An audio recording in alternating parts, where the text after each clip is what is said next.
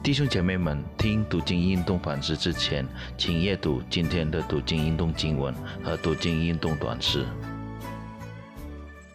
弟兄姐妹们，早安！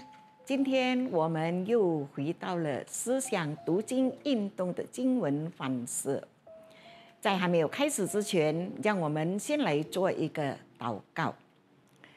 我们在天上的父上帝，我们感谢赞美你。今天你又带领了我们来到你的面前，主耶稣，求你赐给我们圣灵的同在，让我们弟兄姐妹们，我们都能够在你的慈恩带领之下，能够明白主你的话语。也感谢你赐给了我们健康，让我们弟兄姐妹们，我们都能够一起分享你的话语。感谢主，让我们把今天的祈求与祷告，我们。都奉靠了的主耶稣得胜的圣名而求的，阿门。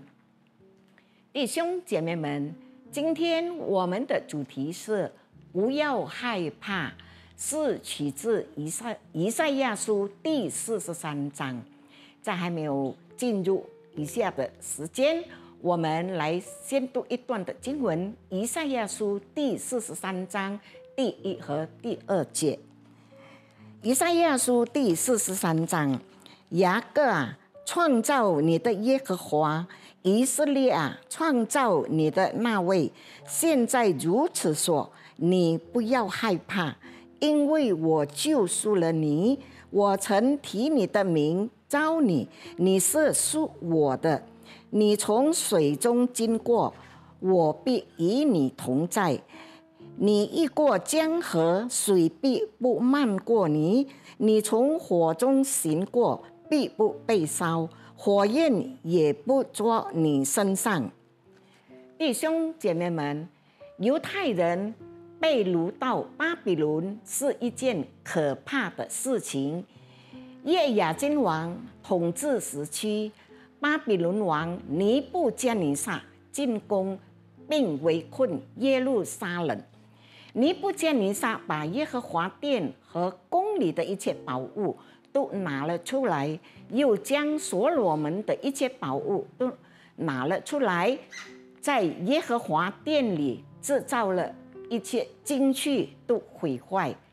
正如耶和华说的，尼布加尼撒还掳走了耶路撒冷的众民，一万名俘虏，包括众领袖。和大能的战士，以及所有的工匠和铁匠，唯一留下来的是贫穷的人民。叶雅金王、王母、后妃、太监和国民中的大官都被掳到巴比伦。这件事是上帝预言过，并发生在他指定的时间。当被掳事迹发生时，犹太人肯定经历了一场信徒危机，他们可能认为上帝不再关心他们，他们已经从上帝面前完全被丢弃了。他们应该继续保持对上帝的信心吗？他们还能仰望于他吗？他们是否在新地方以新的生活方式？妥协地生活会更好呢？本着经文提醒，在被掳中的犹太人，他们是属于耶和华的，他们必须记住，他们是上帝的创造物，他们是上帝所救赎的人。上帝认识他们，他呼叫他们的名字。上帝允许。无论他们到那里身处何地，无论他们经过水中、遇过江河，他都会与他们同在。即使他们行过火中，他们也不会被烧和着火。信守圣约的上帝不会肆虐，也不会永远抛弃犹大。无论他们身在何处。处于什么境地，他仍然是他们的上帝。上帝叫他们坚强，不要害怕。过度的恐惧会削弱他们的信心。他们必须相信上帝和他的话语，才能坚守圣约子民的生活，持定对上帝的信心。上帝对犹太人的应许也适用于所有相信基督的人。基督是时时刻刻同在并陪伴我们的以马内利上帝，他的圣灵住在我们的心里。你是否在所有处境都相信上帝？今天我们学习了以赛亚书，也互相分享了，表明神的恩典是不可抗拒的。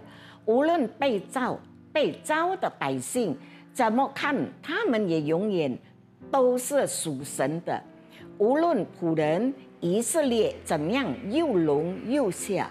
他们都无法改变自己属神这个事实，因此软弱的信徒当关注的不是自己和环境，而是自己到底是属谁的。